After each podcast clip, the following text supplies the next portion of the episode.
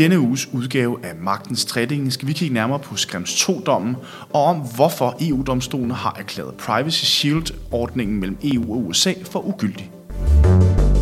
Derfor vidste jeg godt, at EU-domstolen ville forholde sig kritisk til det her. Men at de lige frem tilsidesat Privacy Shield med, altså med den klarhed, de gjorde, det kom bag på mig. Det, det skal ikke være en, en, en lappeløsning, det skal ikke være en safe harbor 3-ordning, der kommer. Nu skal vi have styr på det her. Data er det nye, øh, det nye sort, ikke? og data er det, grundstenen i en økonomi allerede i dag. Det er, øh, det, det, er, det er det, der er i spil, om man så kan sige. Hvad er din data værd? Hvad, er din, hvad bliver din data brugt til? Den 16. juli kom EU-domstolen med en afgørelse, Skrems 2 hed den, som eksperter for datasikkerhed udråbte som en sejr for de europæiske borgere. Med afgørelsen sagde EU-domstolen, at de ikke mente, at EU-borgernes data var sikret godt nok mod, at eksempelvis amerikanske myndigheder kunne få adgang til dem, når data blev delt på tværs af Atlanten mellem EU og USA. Indtil da havde EU og USA ellers haft en aftale, den såkaldte Privacy Shield, der skulle sikre netop det, at borgernes data var beskyttet. Men aftalen fungerede ikke godt nok, lød dommen. Nu står datadeling mellem EU og USA altså igen på barbunden.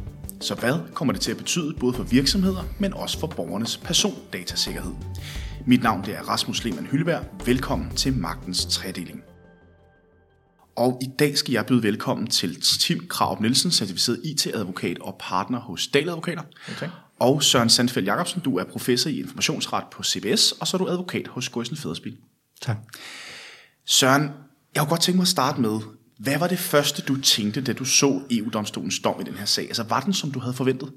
Både ja og nej. Altså, jeg tror, jeg var ikke overrasket i den forstand, at vi nok mange, der også der beskæftiger os med det her, der godt ved, at lige præcis spørgsmål om amerikanske efterretningstjenester, det er navnet dem, altså law enforcement authorities og navnet efterretningstjenester, deres adgang til alle former for data, den er, den er fuldstændig afgørende for USA's øh, sikkerhed og sikkerhedspolitik. Så at, at der var nogle måder, de kunne få adgang på, uagtet hvad vi måtte lave af aftaler, var jeg ret overbevist om, og derfor vidste jeg godt, at EU-domstolen ville forholde sig kritisk til det her. Men at de lige frem tilsidesat Privacy Shield, med, altså med den klarhed, de gjorde, det kom bag på mig. Deler du den øh, betragtning, til? Ja, det gør jeg faktisk. Det er at tilbage, da vi så Schrems 1-sagen fra, fra sidste gang, hvor, hvor, hvor emnet var vende, hvor den daværende safe harbor-ordning, den, den fik noget stød. Der gik man og overvejede, hmm, hvis de argumenter, der, der bliver fremført her, hvis de virkelig skal stå til trone, kan man så overhovedet overføre data ud, og, og hvordan skal hvordan skal dataeksport i, i, i en verden, globaliseret verden, egentlig kunne lade sig gøre, netop fordi der er de her overvågningsprogrammer og, og, og forskellige regimer rundt omkring i verden. Men det blev sådan lidt, øh, det blev hurtigt lukket ned med, med, med den nye øh, Privacy Shield-ordning. Og så har du altid haft øh, standardkontrakterne ved siden af, som man også stillede spørgsmålstegn ved dengang. Øhm, og derfor vil jeg nok sige, det, det, er ikke en, det er ikke en overraskelse, at, at man fandt det kritisabelt, men jeg er måske en lille smule, jeg er måske også en lille smule overrasket over den klarhed, at de, de, de siger, der er ikke noget at gøre, der er, der er lukket for, for Privacy Shield. Det, det tror jeg. Er der, er der noget ved dommen fra EU-domstolen, der særligt springer dig i øjnene? Ja, øh, den er ret udførlig, synes jeg. De, de, de går langt, øh, EU-domstolen, for at prøve at komme, komme hele vejen rundt om emnet. Øh, der har også været et, et, et, et rigtig godt oplæg for generaladvokaten, som, som de jo stort set øh, langt den vejen følger. Øh, men, men det kommer ret langt rundt om det. Men øh, de tager, de, de, det virker som om, de ikke tager stilling til den øh, hvad skal jeg sige, politiske realitet, der ligger bagved. Øh, det, har lavet mig fortælle, ikke ikke er rigtigt, at, at der har været indgående samtaler og, og, og, og drøftelser med, med repræsentanter både fra amerikanske stat og handelsorganisationer og øh, alle mulige aktører om, hvad for et impact det vil få, og hvilket fald i, i handel det vil medføre, hvis det skal stå til trone. Så, så man kan jo ikke sige, at de ikke har haft det med deres overvejelser, men, men, men det kan godt virke lidt, det kan godt virke lidt juridisk klinisk, når man læser den i forhold til den den realitet, der ligger bagved. Deler du den betragtning, Søren? Er det simpelthen er juridisk klinisk, det her? Ja, det er faktisk et meget rammende udtryk, og det er helt rigtigt. Altså, det, der er politik, og der er jura. Og, og lige præcis på det persondataretlige område, kan du ikke skelne mellem det ene og det andet, i, i, når der skal ske overførsel. Det, det kan du simpelthen ikke. Og der kunne man godt, jeg vil næsten, næsten sige, have ønsket, at EU-domstolen, i hvert fald i, i, i deres udtrykkelige dom, fordi det er jo helt enige med Tim, der er pågået alt muligt behind the scenes, men man kunne godt have ønsket sig, at de måske viste lidt, lidt større forståelse for nogle politiske realiteter, i stedet for at køre juraen benhårdt, som jeg vil sige, de gør. Og, og med den sådan relativt aktivistiske linje, EU-domstolen har lagt for dagen, jeg vil sige de sidste 5-10 år, inden for det, vi kalder grundrettigheder. Altså, den her dom, den er jo begrundet i EU-charter, ikke, som er EU's pendant til menneskerettighedskonventionen, altså med en lang række øh, grundrettigheder og øh, grundprincipper for, hvordan borgerne skal behandles. Og, øh, og, og der er det EU-domstolens stil i de her år, og pludselig begynder at lægge rigtig meget vægt på dem. Og, øh, og det, det kommer altså også til udtryk her. Og, og, og det, det bliver nogle gange, så når man sætter det ind i den kontekst, øh, så bliver det sådan en juridisk skoleøvelse ud fra, hvordan de forskellige øh, grundregler de er opbygget, i stedet for måske at lave en lidt øh, bredere øh, betragtning, som også kan inkludere nogle politiske overvejelser. Altså. Men handler det her ikke også om EU-domstolens, hvad skal man sige, udgangspunkt? Fordi at ligesom i skattesager, hvor at nationale domstol jo indbringer øh, hvad hedder, præjudicielle spørgsmål fra national ret, så er der jo også, altså der skal EU-domstolen jo også altid have alle de andre landes, øh, hvad skal man sige, vilkår, det indre marked øh, for øje. Er det ikke lidt det samme her? At man simpelthen er nødt til på en eller anden måde at tage en form for, hvad skal man sige, et politisk standpunkt? Ikke rigtigt, synes jeg, fordi øh, EU-domstolen er jo, den, det, det er rigtigt, den skal forvalte hele EU's øh, retssystem, og den forholder sig jo til EU-retten, som EU-retten nu engang er vedtaget gennem de organer, der, der vedtager den. Øh, men man så, øh, øh, i hvert fald eksperter i EU-ret, der mener tilbage i 60'erne en meget aktivistisk øh, holdning fra, fra, fra EU-domstolen, sådan mere politisk orienteret, øh, som så er faldet noget. Øh, og det mener jeg egentlig også, den her dom den er udtryk for. Jeg mener ikke, det er politisk aktivisme. De går ind og tager og siger, okay, der har været en en, en, en, en klar regel, en klar, klar, øh, klar øh, politisk vilje til at sige, persondata, det er vigtigt. Øh, det er vores allesammens rettigheder. Det er funderet i nogle ret klare regler, så kan man sige, diskutere, hvor klare øh, reglerne er, men, men egentlig ret klare regler, øh, der baserer sig på charteret og, og, og individets grundrettigheder. Det er ikke bare for sjovt, de er lavet. Det må være, der må være nogen, der har, har ment det, eftersom det er festet i EU-retten, og dem skal vi håndhæve. Så jeg mener egentlig, det er en, ja, klinisk juridisk afgørelse. de, de holder så til den, den, den lovgivning, der nu engang er lagt ud. Øh, skulle de have været politisk aktivistiske, så kunne de måske have været inde og sige, øh, at der kunne være betænkeligheder, og, og at, øh, at, at, at, at man ud fra nogle mere politiske overvejelser, eller mere samfundsrelevante overvejelser, så, øh, så, så vil man ikke stoppe øh, overførslerne, eller, eller, eller lægge sådan en polisk øh, vurdering ind i legitimitetsafvejninger. Øh, ja, nogle undtagelser for efterretningstjenester, som Søren for eksempel siger. Ja, øh, men, men det er ikke det, vi har set her. Søren, hvad er det for et signal, EU-domstolen med den her dom ligesom på en eller anden måde signalerer? Jamen, det er jo det, som, som jeg synes, øh, Tim formulerede meget godt. Altså, det er, at vi står vagt om, om EU-borgernes grundrettigheder, og vi står her vagt om deres øh, beskyttelse af deres persondata, og, øh, og det gør vi altså uden at vagte. Og det gør vi også over for USA. Så, så, så på den måde er det, er det et meget klart øh, signal om, at øh, igen, altså jævnfør hvad vi lige drøftede omkring det her sondring mellem politik og jura, at, at ja, man kan tage alle mulige handelspolitiske overvejelser ind, og det kan, kan vi nok tale om lidt om, om lidt, fordi det har det også det her. Men, men det ændrer altså ikke ved, at, øh, at vi står vagt om, om dem, og, øh, og det kan have en pris. Det kan have en pris i vores samarbejde med her USA, i vores handelspolitiske relationer, men so be it. Ja, for lige præcis de her, øh, hvad skal man sige, øh, handelspolitiske relationer. John Curley, som er ansat i advokathuset Clifford Chance, har til BBC udtalt, at afgørelsen er et modetræk af Europa, og at det, vi ser nu, begynder mistænkeligt at ligne sådan lidt en privacy trade war, hvor Europa siger, at deres datastandarder kan stoles på, men at USA's ikke kan. Det vil også at trække fronterne meget skarpt op i forhold til USA, der jo i forvejen også har en, en sådan meget protektionistisk øh, hvad skal man sige, tilgang til mange af de her både multilaterale og bilaterale aftaler. Hvad tænker I om den her udtalelse? Jamen, jeg, jeg synes egentlig, den er meget, øh, den er meget spot on, at, øh, at, at, altså, at, at EU netop har den her linje her at sige, jamen vi, vi, vi synes, vi har lavet et rigtig godt regelsæt i Europa, og det har vi brugt meget tid på, og, og vi har også nu fortolket det på mange måder, og vi begynder at vide, hvad, hvor det er, vi vil hen. Og, øh, og det har USA ikke, og, og, og det må de altså selv stå på mål for så. Det er ikke vores opgave at, at lave deres arbejde. Så må de internt gå i gang med at løfte deres beskyttelsesniveau op til det, vi har i Europa. Så kan vi tale sammen igen. Og så er øh, alting jo åben for overførsler. Det er jo det hele øh, overførselsprincippet handler om. Det er jo ikke, fordi de skal have den samme en-til-en regulering, men de skal have et beskyttelsesniveau, der er på niveau med det europæiske. Og det må vi bare konstatere, det har de ikke. Altså det taler jo også ind i det her team med, at, øh, at man i EU jo også har virkelig arbejdet længe på det her med databeskyttelse og GDPR, og vi har jo på den ene side jo har vi jo øh, altså et USA, der måske udadtil øh, har en meget protektionistisk øh, sådan, tilgang, men vi har jo altså også store amerikanske virksomheder, både Apple, Tim Cook, vi har også øh, hørt VP fra Microsoft sige, at en verdensomspændende GDPR faktisk vil være en rigtig spændende idé. Så hvordan ser du den her dobbelthed mellem, hvad skal man sige, både virk- amerikanske virksomheder på den ene side, der synes, at EU's øh, databeskyttelse er interessant, og så samtidig, øh, hvad skal man sige, den nationale stat på den anden side? Øhm jeg synes, det klinger en lille smule hult. Men jeg kan godt forstå, at de siger det, for det er de nødt til at sige. Mm. Øhm, EU var på mange måder first mover på det her. Det EU startede med at sige, øh, vi sætter standarden, vi sætter den højt, vi sætter øh, privatlivet centrum for borgeren, vi har fokus på individets rettigheder. Det gjorde de allerede tilbage i, i, i starten med, med direktivet omkring øh, persondata og øh, sikkerhed, og nu med, selvfølgelig med, med GDPR her. Og det er højere beskyttelse, end vi, vi er vant til andre steder.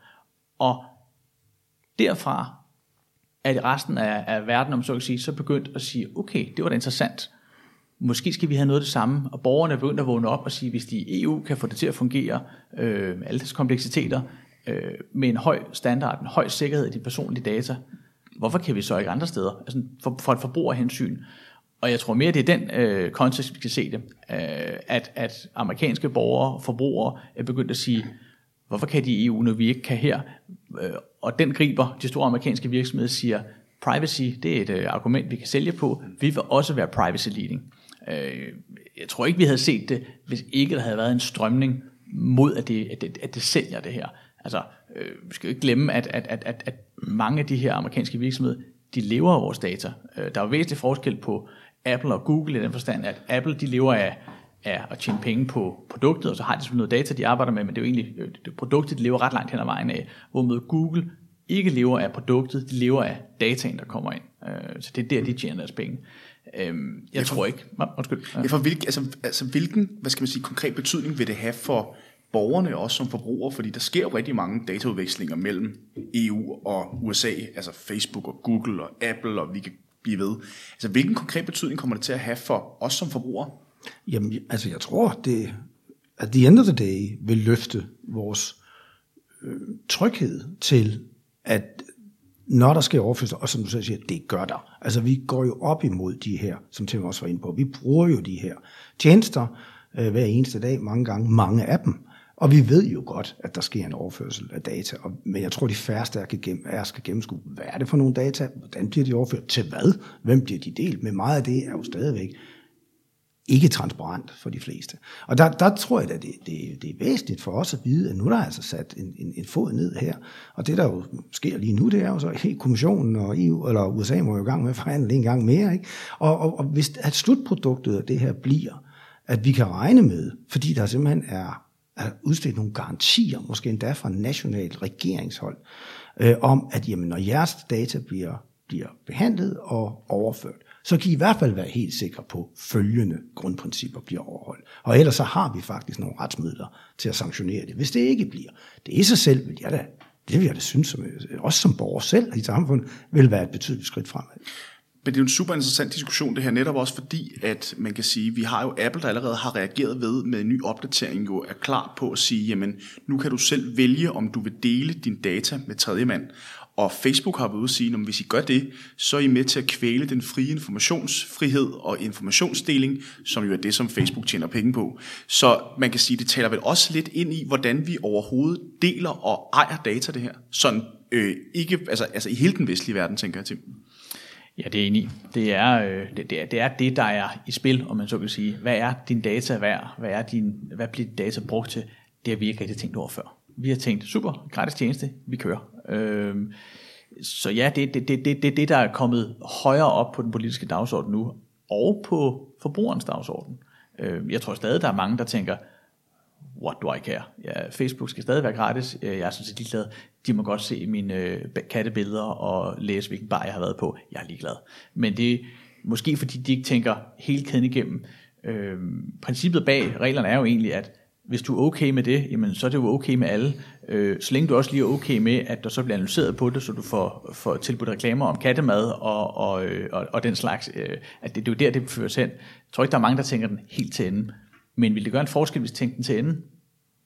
Måske ikke for andet end aktivisterne. Der er nok mange, der vil tænke, det er fint med mig. Jeg har, ja. Jeg er fuldstændig enig, altså, og det ved jeg også, når jeg underviser mine studerende, at, øh, at der er vel de her to grupper, ikke? Der er dem, der, øh, der siger, ja, det er vigtigt, og de, øh, og de følger det her. Jeg synes, det er rigtig interessant, og de vil faktisk gerne have både viden om, hvad der sker, og igen et vist sikkerhedsniveau. Ikke? Og så er der dem, som, som Tim siger, jamen så er der dem, der siger, jamen jeg er ligeglad, fordi jeg får de tjenester, jeg gerne vil have. Og, jeg, og jo mere data de får, jo bedre kan de jo også individualisere de her tjenester til lige præcis mit behov. Så so what's the problem? Og, og, og det er, synes jeg, demokratisk.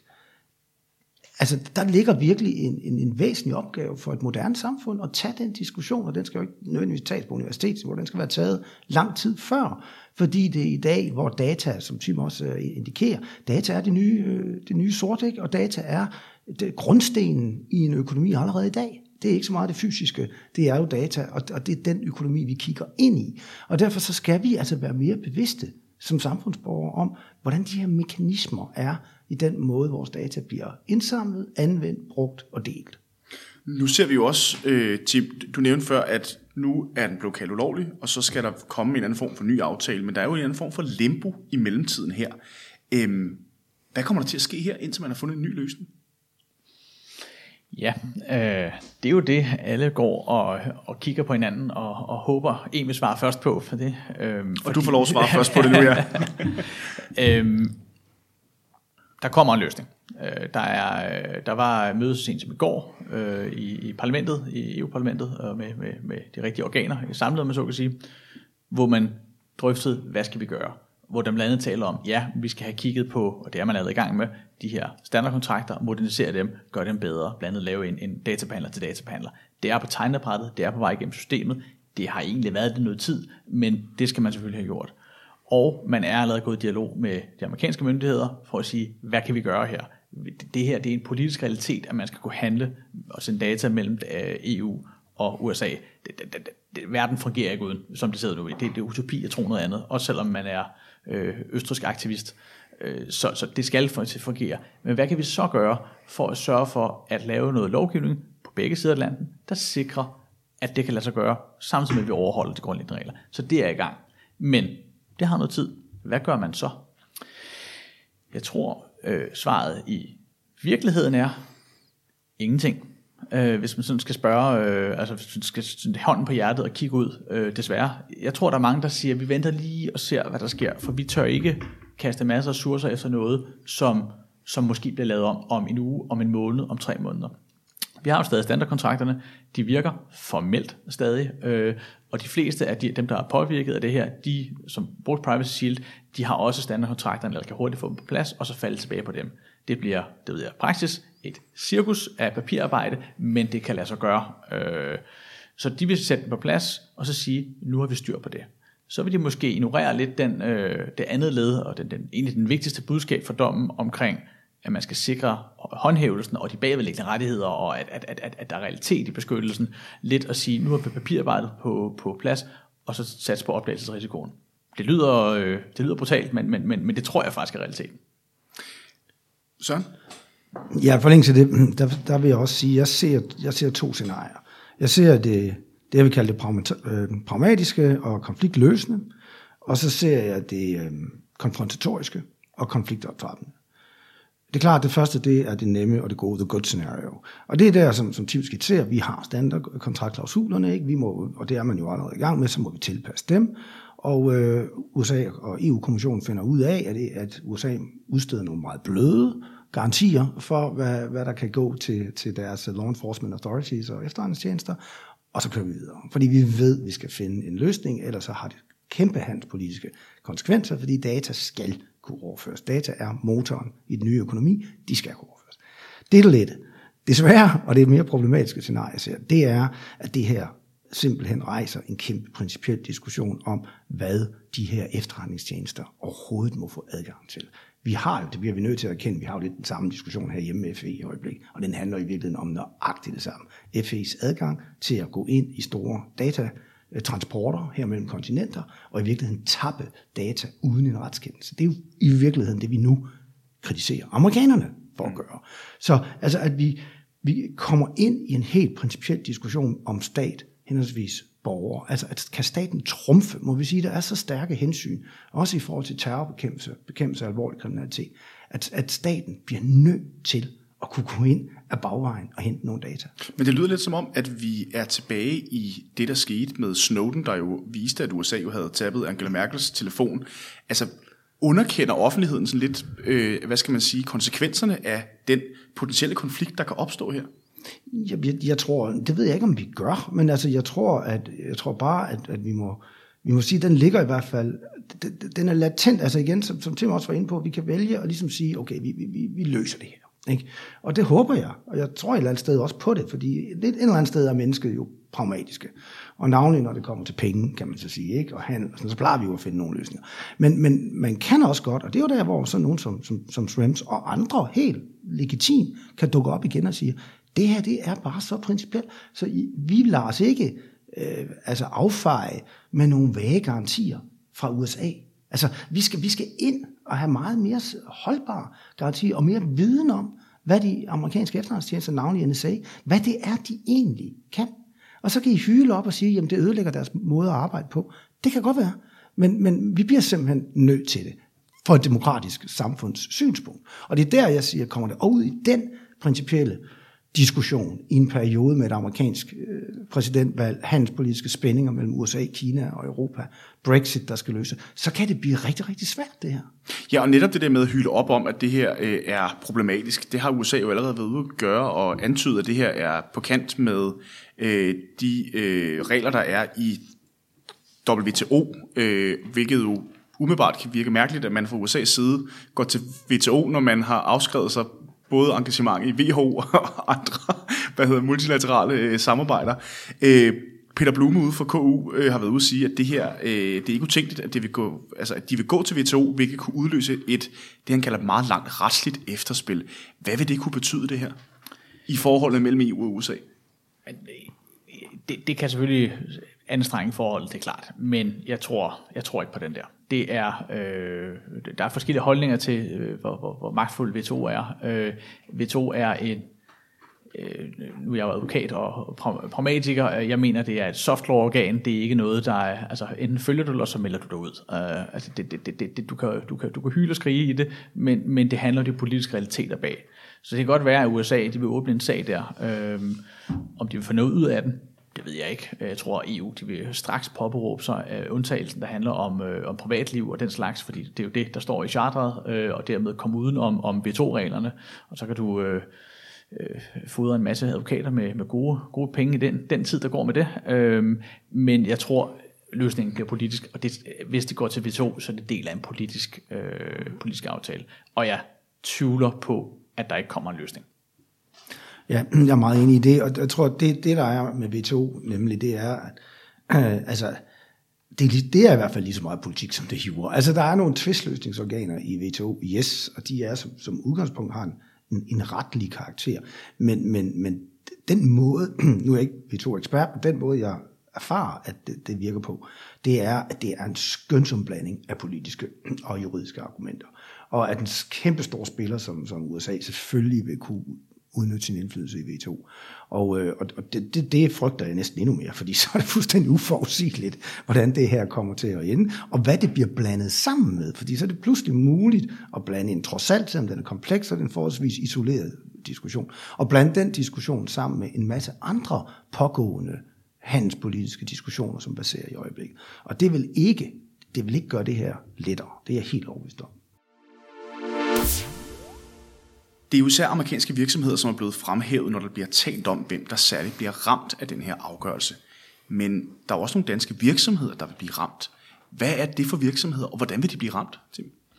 Jamen, jeg tror, at alle virksomheder øh, bliver ramt. Jeg kan ikke se, at det skulle være amerikanske virksomheder i særdeleshed, der bliver ramt af det her. Øh, fordi der er jo en gensidig afhængighed. Det er, jo, det er jo det smukke ved handel. Det er jo begge parter er afhængige af, at det virker. Det er jo derfor, det handel er det bedste måde til at, at undgå konflikter på. Øh, og alle, alle europæiske virksomheder, alle danske virksomheder, næsten uden undtagelse, så skal det i hvert fald være et meget aktivt øh, valg, er afhængig af amerikanske tjenesteyder, og afhængig af at udveksle data med dem. Og derfor, hvis der bliver sat en prop i det, så vil du øh, køre en mur ned igennem EU og, og, og USA, og det vil få mindst lige så store konsekvenser for europæiske spillere, som det er for de amerikanske spillere. Så jeg mener, det er øh, fuldstændig ligeartet, at man bliver ramt på begge sider. Tværtimod bliver de amerikanske spillere måske ramt lidt mindre, fordi det er de store. Det er dem, de store udbydere, der ligger der. Øh, de kan, jeg vil ikke sige, at de kan til sig at være ligeglade, men, men, men der har været ryster op omkring, at de handler lidt nonchalant øh, omkring det her, og måske er lidt ligeglade med det, fordi de venter på den politiske løsning. Helt konkret, I sidder jo begge to arbejder som advokater, øh, og det er jo også blevet fremhævet, at øh, det her kan påvirke jeres arbejde. Hvordan er advokater afhængige af at sende data mellem USA og EU? Jamen, øh, fuldstændig på samme måde som, som en hver anden virksomhed. Det handler jo om, om, om, om, at man anvender systemer som resten af erhvervslivet, og øh, de er i et eller andet omfang, øh, mange af dem er i hvert fald funderet i amerikanske baggrundstjenester, Amazon, øh, Web Services, øh, Microsoft Azure osv. osv., osv. Alt har en eller anden tilknytning til USA. Søren, du har været ude at sige, at det her det er en sejr for europæiske borgere i forhold til beskyttelsen af deres data. Hvorfor er det det? Igen fordi det her forhåbentlig øh, altså vil hjælpe med til at løfte hele øh, beskyttelsesniveauet for os øh, almindelige borgere, altså det, også hvis data det hele handler om. Vi kigger også allerede mod en ny aftale, der jo skal komme, tænker jeg. Der, man er på en eller anden måde nødt til at lave en ny aftale, når nu den her den er blevet erkendt øh, ulovlig. Øhm, hvad er dine forventninger til den, Tim? Mine forventninger er, at det kan gå en af to veje. Enten så bliver det gammel vin på nye flasker, øh, så får vi en Shrimps 3-sag. Det gør vi nok alligevel. Øh, men det kan være den ene vej, hvor man prøver at, at, at ligesom lappe lidt, og så komme videre uden for meget, øh, øh for meget på styr. Den anden er, at øh, man, det lykkes at få, få, få ligesom overbevist de amerikanske myndigheder om, at det her det er ikke noget, der forsvinder. Det bliver ved, det her. Og så rent faktisk går i en dialog om at skabe en en bedre retsproces omkring det, og nogle egentlige instrumenter, der gør, at, øh, at noget af det store her var jo, at europæiske borgere ikke havde nogen øh, mulighed for, for at gå til amerikansk domstol. Eksempelvis indføre et, et middel som det, der vil du komme meget langt øh, med det her. Så jeg håber på, at det, det, vil, det vil ændre realiteten, og i det hele taget sådan politisk hæve niveauet for databeskyttelse. Kunne du prøve at uddybe, hvad du mener, altså, hvad du mener med det her med, at europæiske borgere havde mulighed for at gå til amerikanske domstole? Ja, e, en af kritikpunkterne og en af grunden til, at, at man fandt, at de amerikanske øh, regler, de ikke var, der ikke var realitet i beskyttelsen, det var, at du ikke havde mulighed for, som europæisk borger, at få prøvet, hvorvidt den indsamling, der skete, og den brug af dine data, den var lovlig. Øh, du kunne gå til en ombudsmand, og han kunne tage kritik og alle mulige ting, men du kunne ikke, du kunne ikke gå ind til domstolen. Du havde ikke rettigheder efter under det amerikanske system. Du skulle være amerikaner for at gøre det. Og, altså, og det tror du, altså, man kunne få med i den nye aftale? Åh, oh, det er jo politik, men jo, jo. det kunne man håbe. Øh, fordi det, det vil i hvert fald løfte det en del, og det vil også, øh, det vil også imødegå nogle af de argumenter, der kommer øh, fra Schrems. Altså, Mark Schrems, han er aktivist, og han har en organisation, der hedder øh, None of Your Business, som øh, egentlig har til formål at gå og overvåge den her overførsel. Øh, og de har allerede, øh, jeg ved ikke, de har stævnet, men de er i hvert fald øh, gået til øh, over 100 øh, forskellige virksomheder, som de mener fortsat misbruger det her, for ligesom at få, få gang i den her aktivisme. Han kommer ikke til at sætte sig på sofaen og se Netflix og slappe af omkring det her. Han kommer til at blive ved, indtil det er en egentlig overførsel. Øh, I den seneste udtalelse, han kom med, øh, som jeg læste i hvert fald, der sagde han øh, direkte, at nu var tiden moden til at få løst det her. Det, det skal ikke være en, en, en lappeløsning, det skal ikke være en safe harbor 3-ordning, der kommer. Nu skal vi have styr på det her. Øh, og det kan jeg jo kun være enig i. Lad, lad os nu få noget, noget databeskyttelse, der, der, der virker, men der er altså også politiske realiteter af det her. Så? Ja, det, det vil jeg godt lige også øh, replicere på, fordi at jeg tror også, at, at det, den eneste vej, altså hvis vi ikke skal have så mange shrimps-sager, så det efterhånden begynder at nærme sig det latterlige, så skal vi have løst det her. Og, og, og, og vi kan godt, nu har vi, nu har EU-domstolen jo også sagt, at de her standardkontraktklausuler, dem kan vi godt bruge fint, så kan vi lappe lidt på dem, og køre vi videre. Men Problemerne vil opstå igen og igen med mindre EU og USA sætter sig ned, laver en ny løsning, og denne gang skal den reelt reparere på det, som EU-domstolen nu to gange har sagt ikke er i orden. Nemlig, at for det første, at den, den omstændighed, at de amerikanske retshåndhævelsesmyndigheder står helt over de her databeskyttelsesregler, det, det nytter ikke noget. Det er uproportionalt for at bruge charterets øh, udtryk og, og, og det almindelige øh, krænkelse af privatlivets freds øh, lingo.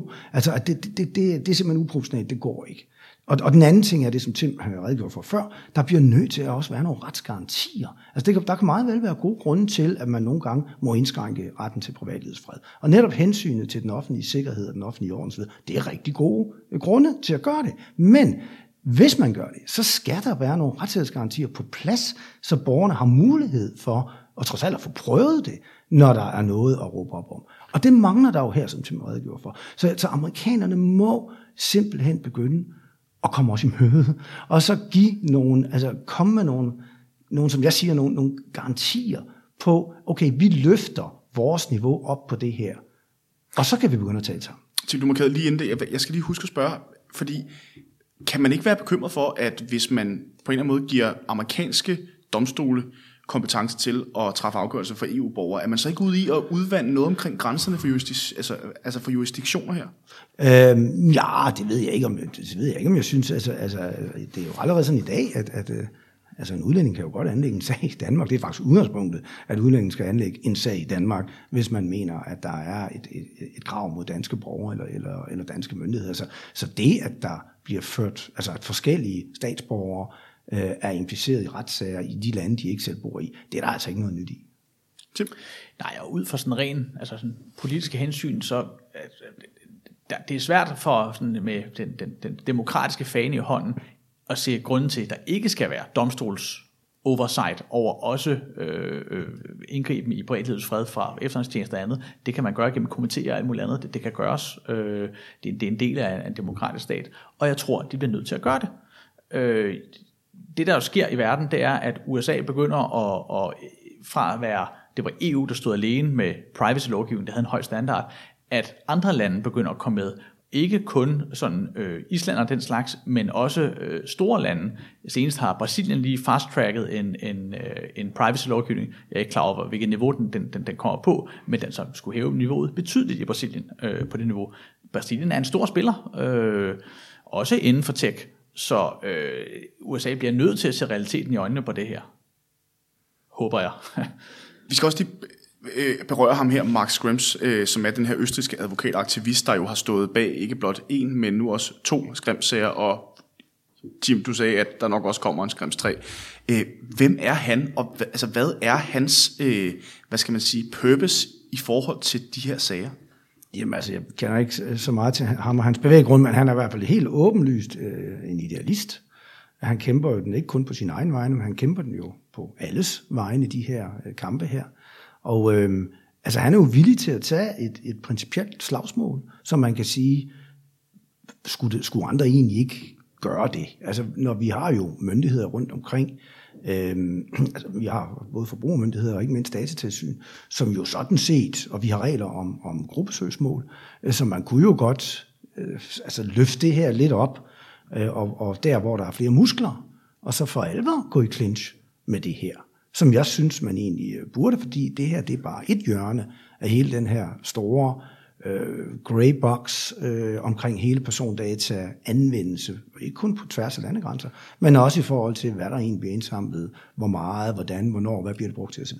Altså jeg synes egentlig, jeg kunne godt savne lidt mere mod fra, fra større organisationer, tilsynsmyndigheder, men også måske, måske øh, altså interesseorganisationer, som siger, nu går vi ind på alle vores medlemmers vegne og tager de her slagsmål, fordi de skal tages, i stedet for at overlade det til enkelstående idealister som Max Schrems. Hvad er det syn på det, Tim? Fordi vi har jo også datatilsynsmyndigheder i de forskellige lande, der har forskellige kompetencer øhm, og, og forskellige mandater i forhold til at håndhæve de her databeskyttelsesregler. Øh, Hvad tænker du om det, Søren siger med, at det kunne være øh, virkelig interessant at se så store tilsynsmyndigheder gå sammen om de her spørgsmål? Jo, øh, så skal få dem til at være enige først, hvis det nu taler om, om myndighederne. Det, det, er der, det er der gået meget langt af vejen. Altså, vi ser en helt anden form for databeskyttelse, i hvert fald inden for EU, end vi så før GDPR. De er blevet meget mere koordineret, end de var før i tiden. Øh, og, og, og heldigvis, det gavner, øh, det gavner øh, øh, øh udvekslingen inden for fællesmarkedet.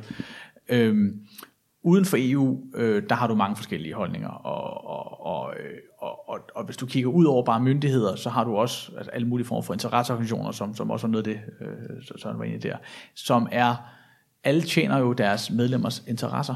Øh, er det medlemmers interesse at gå ind og være aktivistisk omkring noget, som virker, hvis vi ser sådan økonomisk på det. Øh, normalt ikke. De fleste interesseorganisationer er økonomisk funderet. Øh, og derfor er det måske en meget god idé, at man har øh, mennesker som Max Schrems, øh, hvor irriterende han kan være for, for i hvert fald min hverdag øh, og min klienters hverdag. Øh, men sådan politisk set er det måske en meget god idé at have hans, og det kunne måske være en, en meget god idé at have, have nogle større organisationer som ham. Men han har jo formået at gå fra at være en, en, en irriteret jurastuderende til at blive en, en, en, en, en, en stifter en NGO og skabe en bevægelse omkring det her. Det kunne vi godt se noget mere af, tror jeg.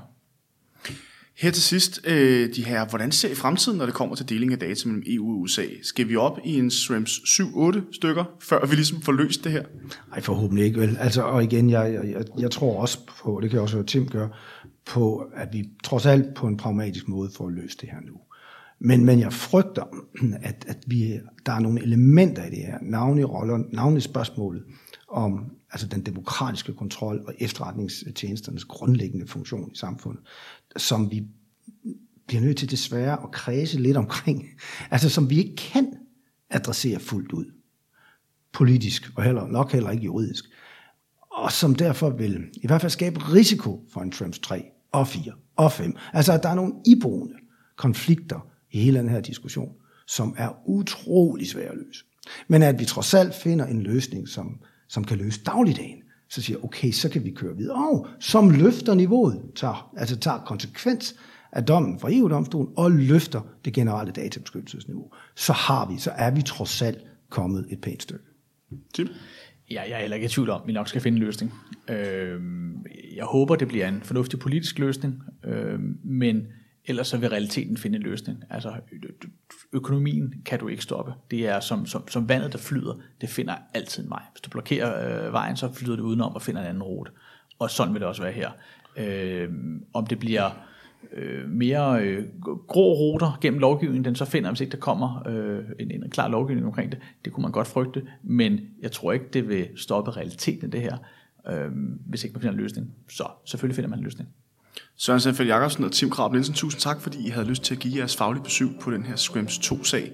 Magtens tredeling kan findes på iTunes, eller hvor du ellers finder dine podcasts, så kan du altid læse mere på k-news.dk.